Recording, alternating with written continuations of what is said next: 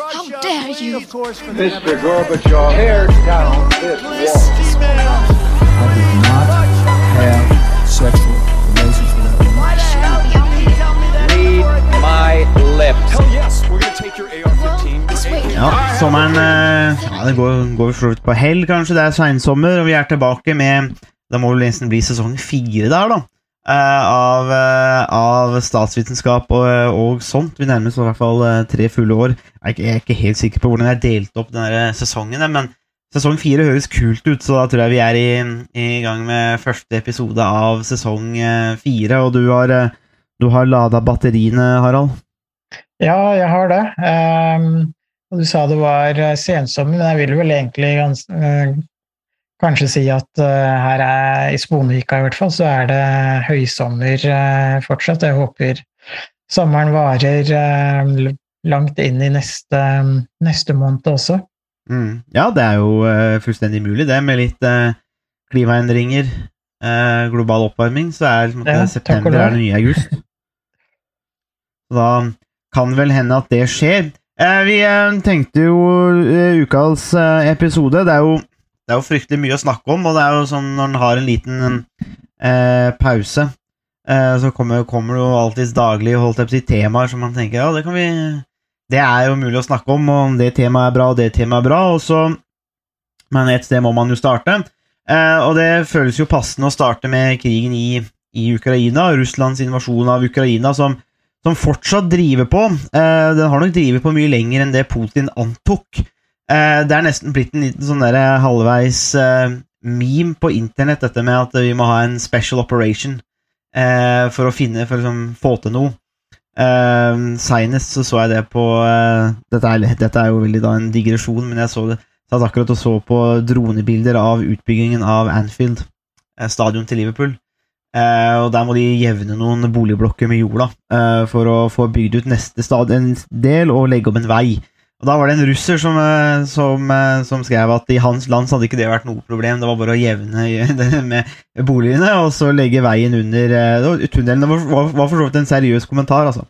Men alle svarene er jo bare at ja, da må vi nok ha en, en spesialoperasjon, eller kanskje vi kan få noe artilleri inn til å gjøre jobben. Så det har blitt en slags meme, det der special operation-opplegget, og det var jo og det illustrerer kanskje på en måte hvor feilslått og Putins taktikk har vært. Dette skulle være en spesialoperasjon, man skulle inn og fjerne ledelsen, eh, prøve å selge til verden at dette var en denazifisering osv. av Ukraina. Og så har det rett og slett blitt en, en, en på mange måter en god, gammeldags krig. Um, og da god da i hermetegn, men altså det er en gammeldags krig. Um, mye bombing, artilleri, artilleri mange sivile drepte. Man får eh, frontlinjer som går fram og tilbake. Russ eh, ukrainerne har slått tilbake ehm, eh, Ukrainerne har slått tilbake Russland rundt hovedstaden og det området, mens de har tapt mer i dette Donbass-området. Men det kommer rapporter om at de har eh, fått så mye våpen nå fra særlig USA at de har vært i stand til å ramme særlig forsyningslinjen til Russland, og at de kan være i, i, å, eller være i ferd med å omringe noen av disse russiske troppene. Eh, slik at eh, det, det er eh, eh, Krigen er langt på vei avgjort. Eller si Mesteparten av Ukraina står jo igjen, så hvis det var det som var planen til Russland, så har de jo fryktelig mye jobb igjen. Eh, så krigen går nok ikke helt etter planen.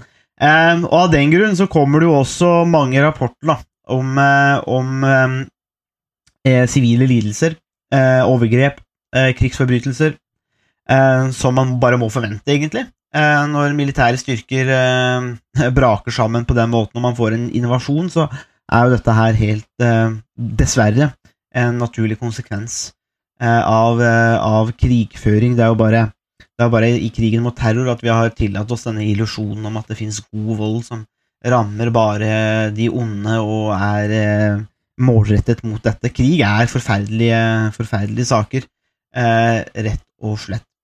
Så det er utgangspunktet for dagens podkast, eller episoden, og det er denne Amnesty-rapporten som har lagd veldig mye bråk eh, og fått eh, mye debatt.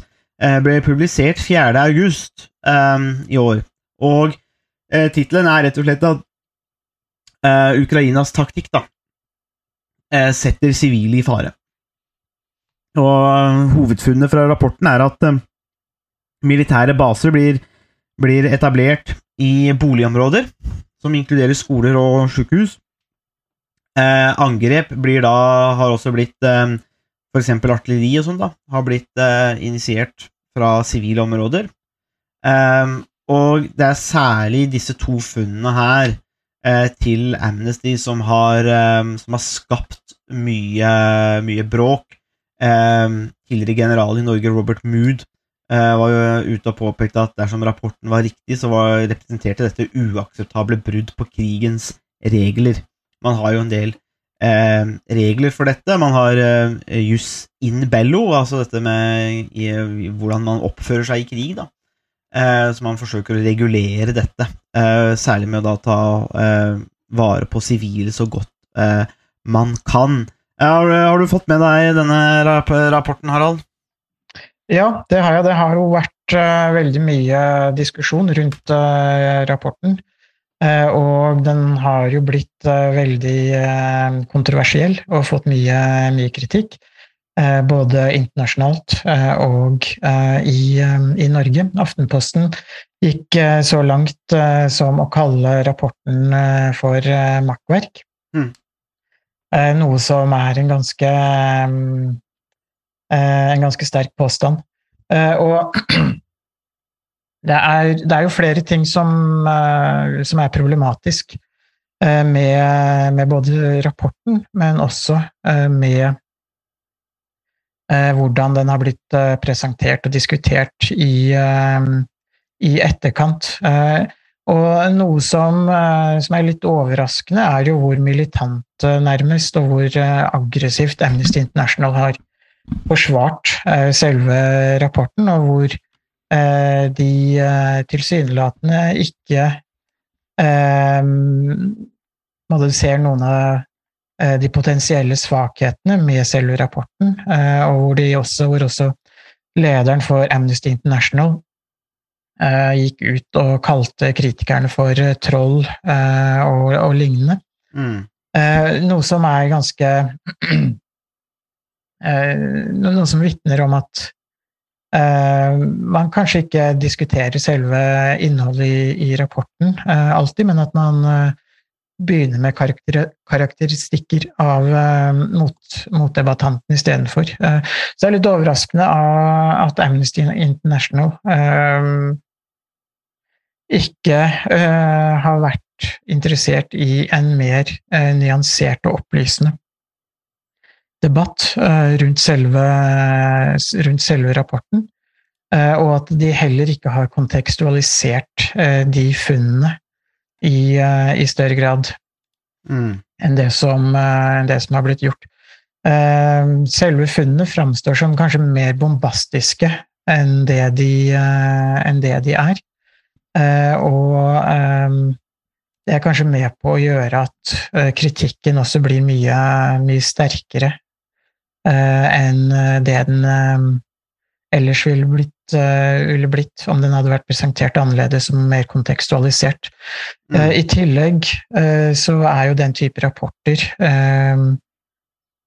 noe som, som ofte brukes i propagandaøyemed, og som, som, egentlig er en veldig god En slags lissepasning til, til russisk propaganda som de bruker for hva det, for hva det er verdt, og som mange har vært inne på, som skaper en slags sånn falsk eh, likhet mellom eh, russiske overgrep eh, og russisk, den russiske invasjonen og eh, ukrainerne som, som, forsvarer seg. Så sånn sett så, så er det en rapport som, eh, som framstår som veldig eh, veldig uheldig, både når det gjelder form og innhold.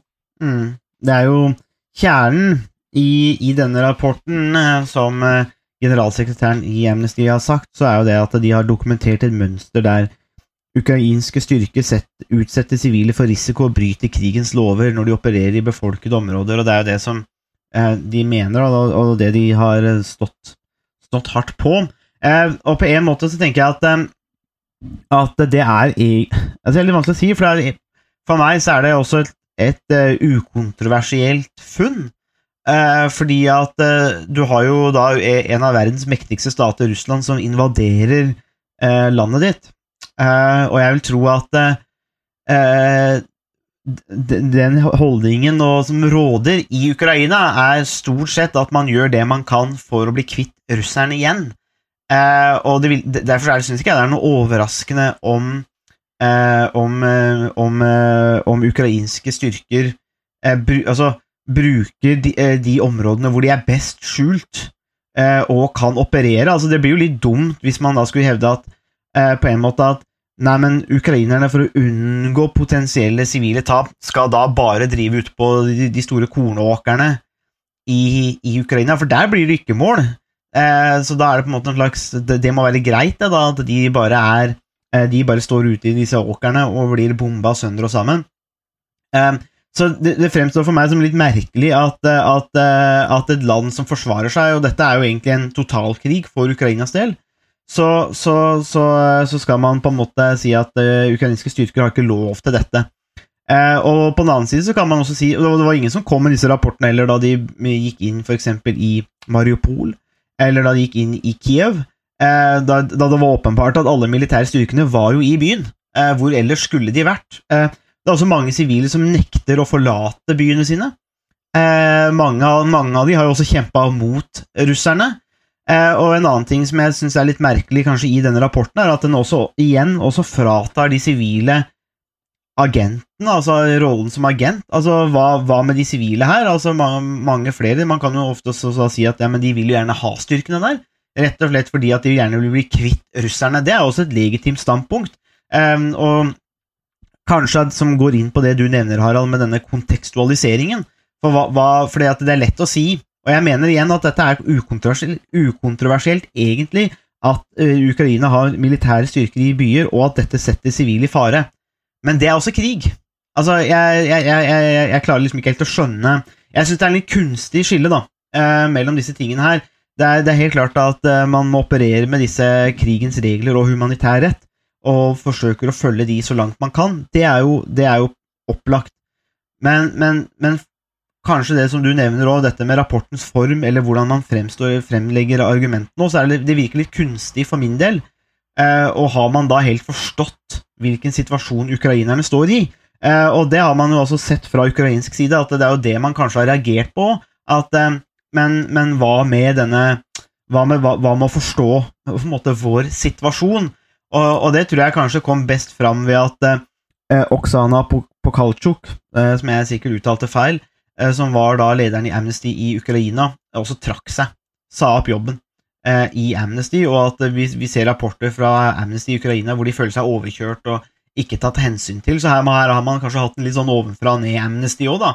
Eh, no, noe som ville vært herlig parodisk, egentlig, for en sånn type organisasjon, om, eh, om man på en måte man skal inn og dokumentere og, og, eh, eh, krigens forbrytelser, og det er bra, eh, men så gjør man det likevel fra et litt sånn ovenfra og ned-perspektiv, uten å ta de lokale, den lokale befolkningen, de lokale perspektivene eh, med seg, da. Og det ville jo vært eh, Ja, det ville vært litt sånn halvveis eh, tragisk, men det ser jo kanskje ut sånn som det er eh, litt sånn som det er der. Men det er det jeg tenker til det du sa der, Harald. da, Bare nettopp dette med den formen og argumentene, og at man, man ignorerer eller, eller klarer ikke ta inn over seg de lokale perspektivene og den informasjonen.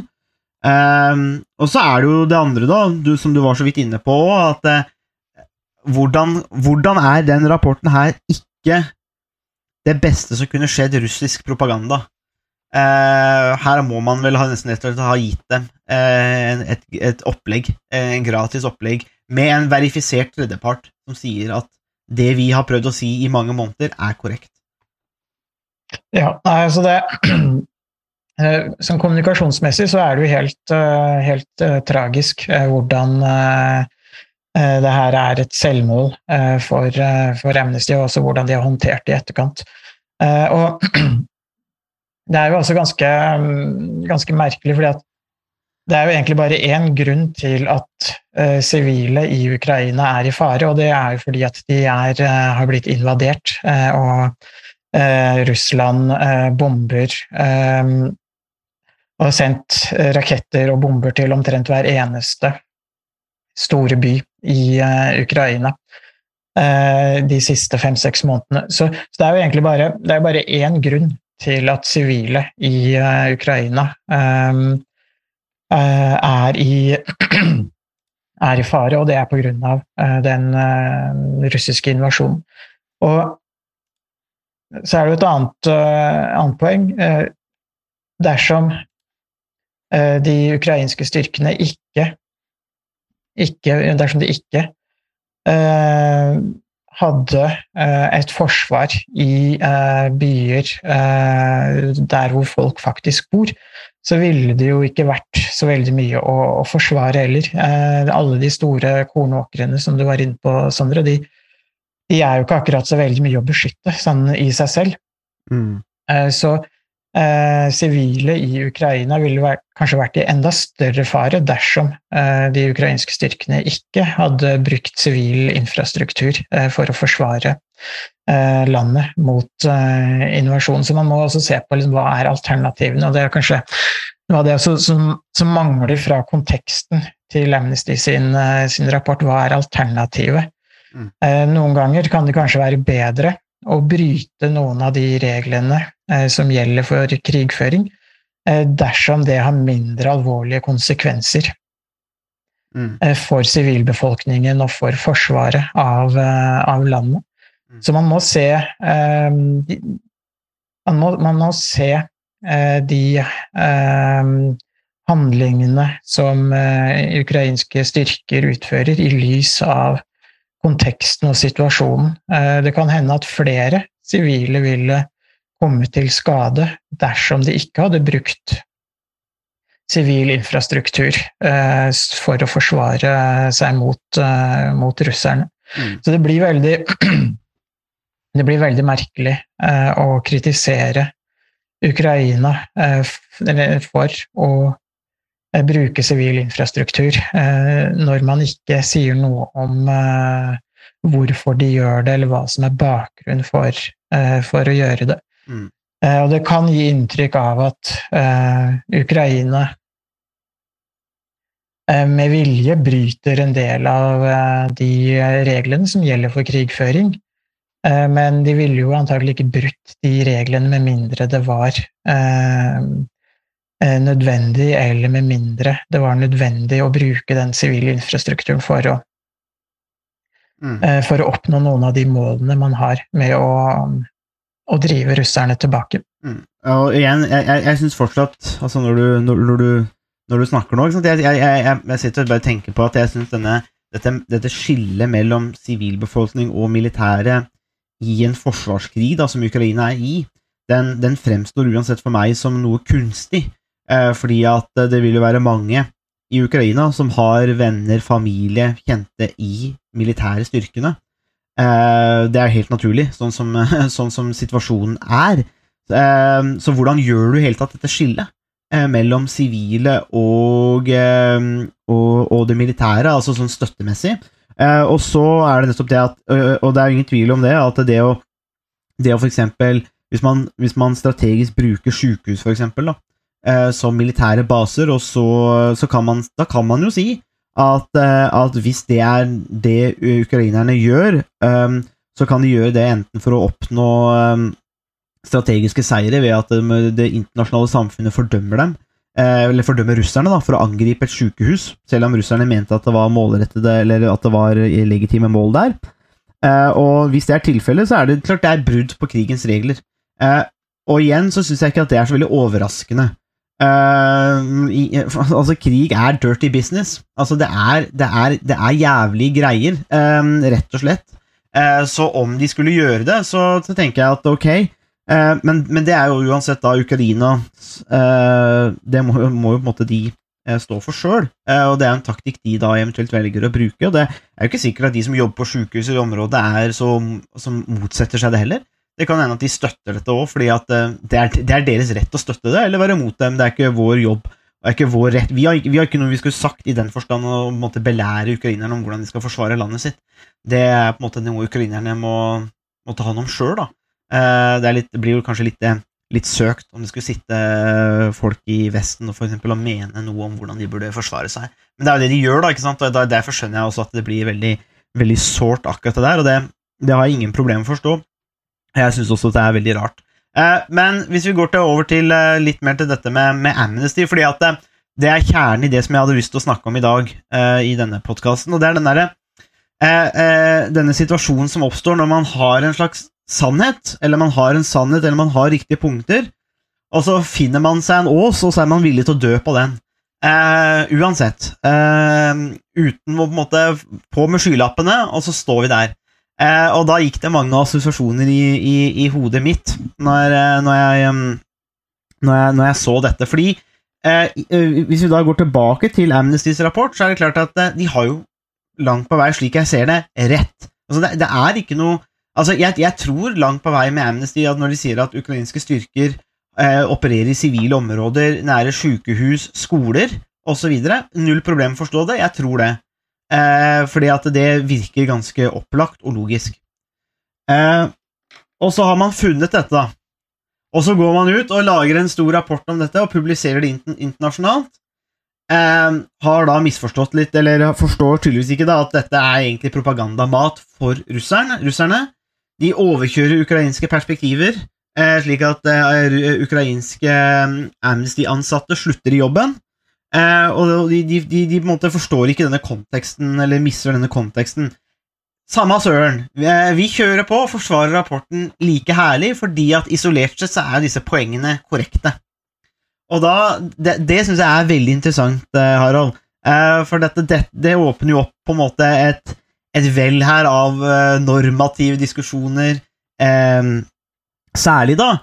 Min assosiasjon gikk jo først og fremst til Henrik Ibsen, en folkefiende, og dr. Stockmann, som har oppdaga at dette kurbadet egentlig bare er en pest og plage og en pesthule, eh, men fortsetter og Han har jo rett, og burde vel kanskje fått rett òg. Men det som er det tragiske og halvveis heroiske i Ibsen, er jo dette er jo Stockmann som står sterkest aleine og som nekter å på en måte kanskje ta inn over seg kontekst nå. Hadde han tatt, tatt inn over seg konteksten, så hadde han kanskje angrepet problemet på en litt annen måte enn å på en måte skulle buse fram og, og bare bulldose fram med sannheten sin og, og, og kreve at alle tror, han, tror, på han, eller alle er enige med han. Eh, og jeg må jo si at for meg så er det en, li så, så er det en likhet her da, mellom Amnesty, eh, denne rapporten, og Dr. Stockmann eh, i Ibsen, eh, en folkefiende. Det er, det er, null kontekst, og her, skal, her, har man rett, så her skal man få rett. Og det spiller ingen rolle. Det, det, er bare sånn det er. Jeg vet ikke hva du tenker om den, akkurat den der situasjonen som vi står i der. Jo, jeg tror det er en god uh, sammenligning. og det er liksom man, Stockmann har jo rett, men samtidig så feil. Eh, mm. og det samme kan man si om, uh, om Amnesty. Sånn isolert sett eh, så, så, stemmer kanskje de funnene som Amnesty har kommet til, eh, selv om eh, det også har blitt eh, Det er blitt stilt spørsmålstegn ved hvordan de har kommet frem til konklusjonene, og mm. hvordan intervjuene har blitt gjennomført osv. Men hvis vi legger akkurat den, den biten til siden, så, så hvis man sier at Amnesty-rapporten sånn isolert sett i og for seg stemmer, så så er jo det greit nok. Men uh, samtidig så tar de så utrolig feil, og det blir, det blir uh, ekstremt uh, lite produktivt og opplysende likevel. Og det er, sånn, det er jo også sånn det er i Ibsen sitt, sitt skuespill om en folkefiende.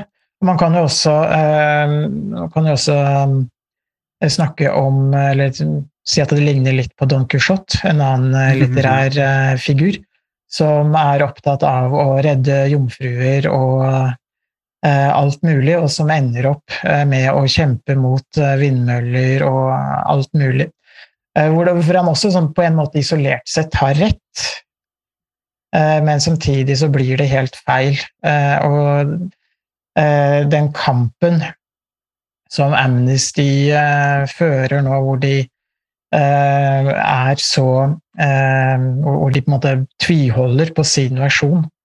Eh, og ikke er villige til å nyansere eller diskutere noen av nyansene i rapporten eller i situasjonen på bakken, så, så gjør det at man absolutt får de assosiasjonene som Stockmann og Don Quijote som setter eh, i vei, eh, og som eh, i og for seg har rett, men som likevel tar så feil og Mm. ender opp som tragiske helter, og som, som går ned med flagget til topps, på en måte. Men Mm. de, de taper egentlig både alle slagene og krigen, og ender opp, eh, med, de, ender opp med å være de som, eh, som kommer dårligst ut.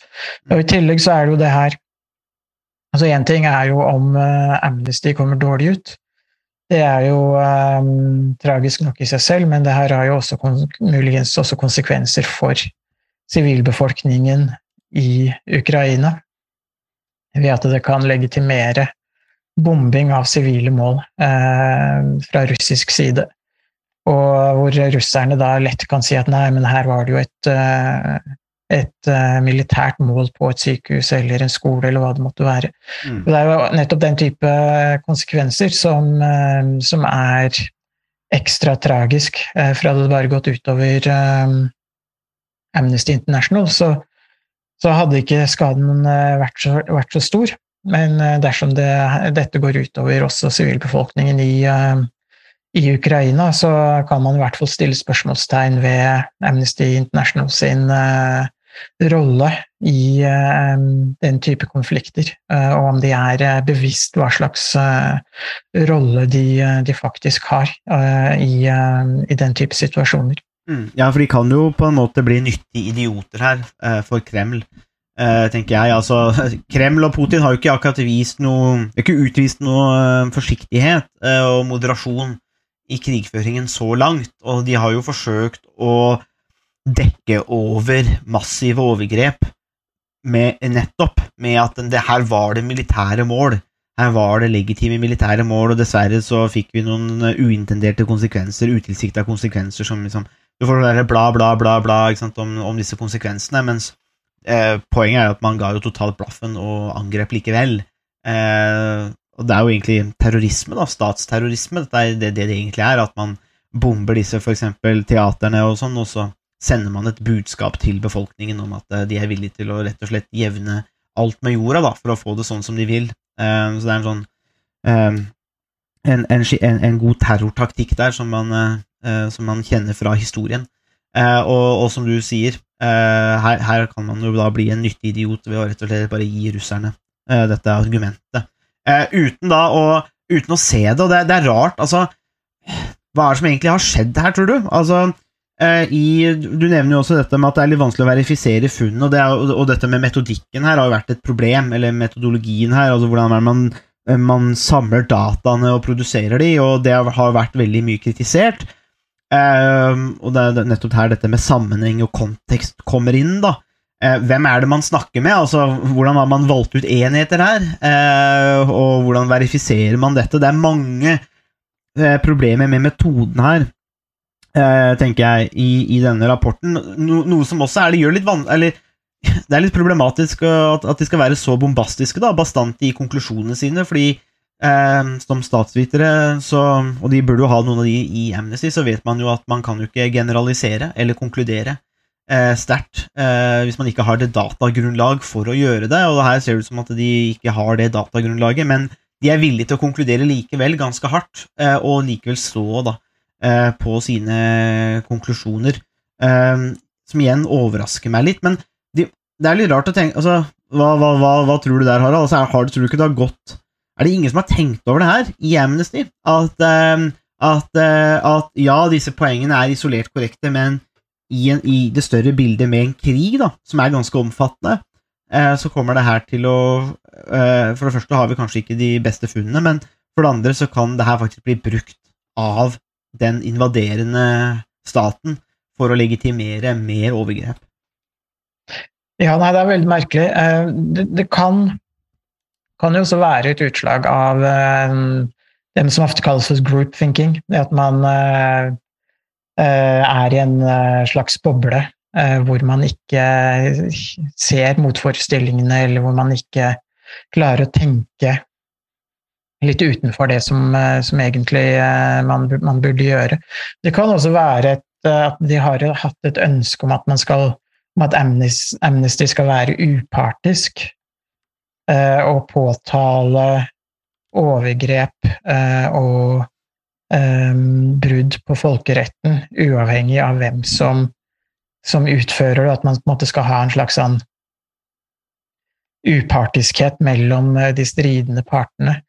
Eh, og, og, det er kanskje til en viss grad eh, det, er jo til en viss grad eh, forbilledlig, men samtidig så er det, som vi har vært inne på, da må man også være, bevisst, være seg bevisst konteksten eh, og den litt, den litt større bildet og den litt større situasjonen som, eh, som man er en, en del av. Så, så det, er, det, vil, det har uansett slått Eh, slått veldig, eh, veldig feil ut. Eh, og det er vanskelig å vite helt hva som, som har gått, gått, galt.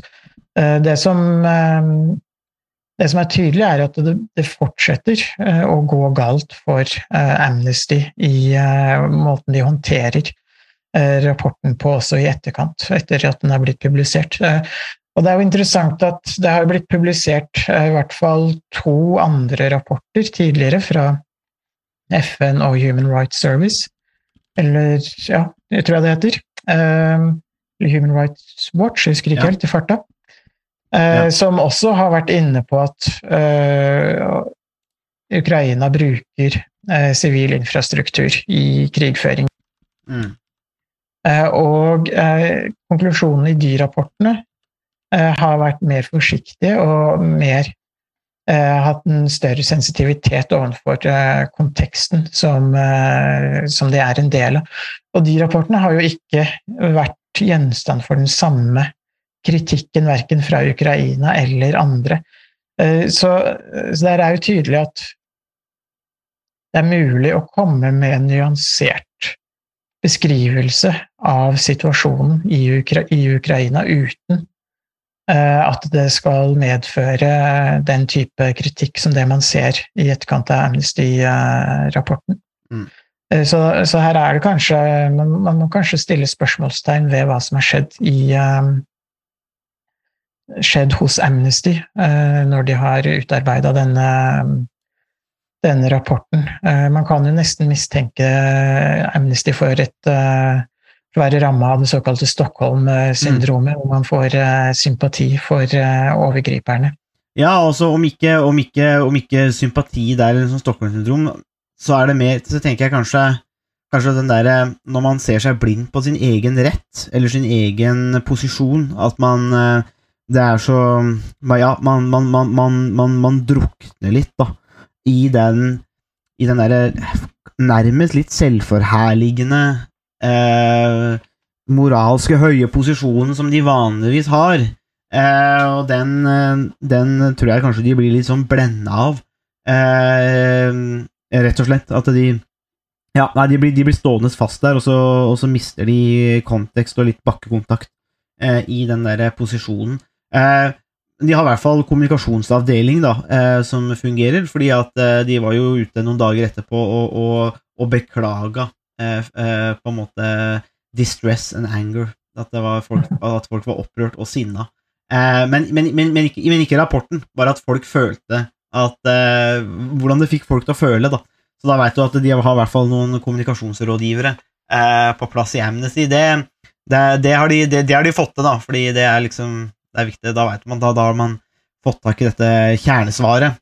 ja, de har, de har en kommunikasjonsavdeling som som har lært om eh, ikke-beklagelser. Ja. Eh, hvor man bare beklager at eh, du føler deg lei deg. Føler ja. at du er lei deg, men Og det er jo den klassiske måten som skaper Er med på å bare skape enda større avstand og undergrave troverdigheten. Det er vel egentlig det verste du kan si. Ja, og det er jo også veldig rart eh, at eh, organisasjoner og politikere og næringslivsledere, eh, når de må beklage noe, at de fortsetter og at, at på en måte folk ikke, som skal beklage, ikke har lært at eh, det eneste som, eh, som, gjelder når man skal beklage, det er en uforbeholden uh, unnskyldning, og så kan man gå videre. Kommer man med sånne ikke-beklagelser, så fortsetter bare diskusjonen. Og ingen blir fornøyd uansett. Og det er jo, det er jo litt, litt, merkelig at store organisasjoner som Amnesty fortsatt ikke på en måte ser når de skal beklage, og at de gjør det på en skikkelig, eh, skikkelig måte. Mm. De er bare opptatt av å beklage for følelsene som rapporten har, eh, har skapt hos um, ukrainere og andre.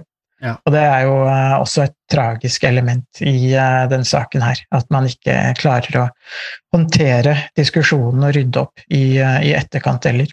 Ja, Nei, det er jo Eh, igjen, altså eh, det, er jo, det er jo egentlig bare tragisk. Jeg ser jo på en måte den Jeg leser nedover den rapporten, og det er jo den presse eh, Det de slapp ut i, som det står på neste side, da. Og det er jo på en måte, det er jo det er, altså Igjen, jeg syns det er så rart at de har gått så hardt ut med det, for det er jo egentlig, det er jo egentlig sånn pjatt. Altså, det er mye sånn En person sa at det var militære styrker her, en annen sa at det var noen militære styrker her. Ja, men sjølsagt er det det. Altså, hva er det du tror du står i? Altså, det er ikke det er ikke sånn at det ukrainske militæret bare har enorme militærøvelser som de har valgt å, å dundre inn i sivile områder med. Dette er jo, dette er jo, det, det er jo krig. Um, så jeg syns det er veldig overraskende dette med at de er så villige til å kjøre så hardt på disse Altså, uh, ja, på, på, dette, da. Uh, for det er ikke så veldig uh, overraskende, egentlig. Og, og, så er det jo ingen som heller skal forvente at ukrainerne er noen sånne helgener. Altså, men, men, men altså, har man et realistisk syn på politikk, har man et realistisk syn på krig, så vet man at i krigssituasjoner så, så, tar man i bruk de midlene som er nærmest nødvendig, i hvert fall når man skal forsvare seg. Altså, dette er ikke, det er ikke så Kan umulig komme som en overraskelse på Amnesty eh, at man bruker eh, alt man har til, eh, til disposisjon for å forsvare seg. Og så har man da gjort noen utvalgte intervjuer med noen personer på, på bakken i Ukraina som sier at liksom, De gjorde en greie ut av det her, ser jeg i rapporten, at det var en person, person som sa at uh, militære, ukrainske militære uh, dikterer jo på en måte hva som skjer nå. Vi har ikke noe vi skulle sagt, men vi må bare betale prisen. Men, det, men hva, hva, er det? Altså, det er jo ikke noe, det er, det er, ikke noen fordømming av militæret. Det er jo egentlig bare en slags observasjon av hva som skjer. Det, er en krig der militære uh, styrer forsvaret av landet, og vi må betale prisen. Men sånn er det jo alltid. Altså, det er ikke noe nytt med det her i en krigføring. Altså, noen må noen må dessverre betale prisen. Det er mange soldater som betaler med sitt liv, eller sine liv, og det er mange sivile som gjør det samme. Uh, og dette er, egentlig, dette, er, altså, dette er, realiteten med krig, og det er derfor man gjerne vil unngå krig. Uh, så ja, jeg, jeg, sliter med å se verdien helt her uh, hos, hos, Amnesty når det kommer til disse tingene her, og hvorfor de er så bastante på den der. Men vi skal legge det vi sies nå, for jeg tenkte vi skal avslutte episoden Harald, med litt av det med hvor, hvor, villig skal man være til å holde på sannheten? Eh, for det er jo et større filosofisk spørsmål, eller politisk spørsmål. Eh, vi snakka litt om før vi eh, begynte å spille inn litt dette med hvordan Kant eh, angrep problemstillingen. Eh, for det er, det er, noe interessant her, på en måte, når man har Hvis man har noen isolerte ting, da, eh, eller noe som er sant, for eksempel her, da, noe som, ting som stemmer, Eh, hvordan skal man presentere det? Eh, hvilken, har man en forpliktelse til å alltid snakke sant? Altså, for det, det, kan jo være der Amnesty egentlig går, fordi de, de skriver jo på sin Twitter-konto og har i, i, sin profil at det, ingen, ingen, regjeringer, ingen land er unntatt på en måte kritikk og undersøkelse fra Amnesty, så de skal være uavhengige og slå i alle retninger. Og det gjør du virkelig her. De slår jo også mot Ukraina, som er et land som blir utsatt for eh, invasjon. De blir invadert av et annet land. Og Amnesty står jo da og sier at ok, vi kritiserer Russland, men vi kritiserer også Ukraina. Og det er et eh, jeg vil si det er jo et nobelt standpunkt eh, som man egentlig holder seg. Da, man, da holder man seg tro mot dette prinsippet om å slå mot alle. Eh, for, å, for, å, beskytte sivile mot overgrep. Og det er et nobelt standpunkt, og som jeg på mange måter syns er bra. Men når, hvis vi tar den, da, har man alltid da en forpliktelse til å snakke sant, eller, eh, eller være den kritisk uavhengige der, eller fins det på en måte modifikasjoner eh, til dette? Uh, ja. Um, I utgangspunktet så skal man jo alltid fortelle sannheten. Det er på en måte noe som de, de aller fleste um, er enig i sånn i utgangspunktet. Uh, så det er på en måte et, uh, et relativt trivielt og ukontroversielt eh, standpunkt. Det, men det som det spørsmålet som Amnesty må stille seg, er jo og hva er konsekvensene av å fortelle sannheten på den måten de har tenkt å gjøre? Hvilke konsekvenser vil denne, denne rapporten uh, kunne få? Og uh, her er det jo to uh, moralske prinsipper som kolliderer. Det ene prinsippet handler om at man alltid skal fortelle sannheten. Og det andre prinsippet er at man må ta utgangspunkt i hvilke konsekvenser de handlingene man har, eller hvilke konsekvenser handlingene vil ha. Eh, for hvis konsekvensene av å fortelle sannheten er verre enn å ikke fortelle sannheten, eh, så oppstår det jo et, eh, et dilemma. Det er et, dilemma mellom altså, disse to moralske prinsippene, som i utgangspunktet de aller fleste tenker er, eh, er, viktige i en eller annen form. Så spørsmålet er eh, i hvilken grad skal konsekvensene eh, telle eller ikke, eller ha betydning. Amnesty har tenkt at vi skal fortelle sannheten, uavhengig av hva slags konsekvenser det har for Ukraina, for Russland, for verden osv. Vi skal fortelle sannheten, koste hva det koste vil. Mm. Og det er i utgangspunktet et, et greit uh, svar. Uh, og um, det, det, som er problemet med det, er nettopp det som har skjedd i, uh, i etterkant, etter at, altså de siste åtte dagene etter at rapporten ble publisert 4. 4. august, er nettopp det at de, de møter motforestillingene som gjelder hva slags konsekvenser publiseringen av den rapporten i den formen den hadde, har fått. Eh, så her møter vi på en måte i det virkelige liv eh, hvordan to, eller ser vi hvordan to ulike moralske prinsipper eh, kolliderer i, i virkeligheten. Og alle de som tenker at konsekvenser er det sentrale for at man skal avgjøre om noe er rett eller galt, de er har vært raskt ute med å kritisere Amnesty for, for rapporten. Mm. Eh, og spørsmålet er liksom, Spørsmålet som du stiller, er jo egentlig eh, om det er rett eller galt å fortelle sannheten, eh, som, eh, som eh, Amnesty har gjort. Eh, og hvis jeg skal prøve meg på et svar, et veldig direkte svar på det spørsmålet, så vil jeg kanskje si, så vil jeg egentlig si ganske tydelig at når man ikke tar høyde for konteksten, og man ikke tar høyde for konsekvensene av de handlingene eh, man, eh, man eh, utfører, så, så er man Så tenker jeg at da er man i lite Da er man Da har man på en måte Jeg tenker at um, tenker nok helt klart at det mest riktige i denne situasjonen er å ta hensyn til både konteksten og Eh, konsekvensene av de handlingene eh, som eh, man, man skal utføre. Og dermed kan man si at Amnesty har begått en, en feil, eller tatt feil valg i denne situasjonen som, som de, de sto ovenfor. Og det er jo litt som vi var inne på innledningsvis også, med både Stockmann og Don Quijote, som uh, isolert sett har rett, uh, men som samtidig tar feil. Uh, og det er det som Amnesty har endt opp med å gjøre i denne situasjonen. De har rett isolert sett, men samtidig så har de tatt helt feil. Så det er kanskje, kan kanskje si at de, de har tapt krigen, selv om de kanskje i og for seg isolert sett vant det ene slaget, i den forstand at de hadde rett mm. når det gjelder noen av de uh, konklusjonene i, uh, i rapporten. Mm. Sånn sett så,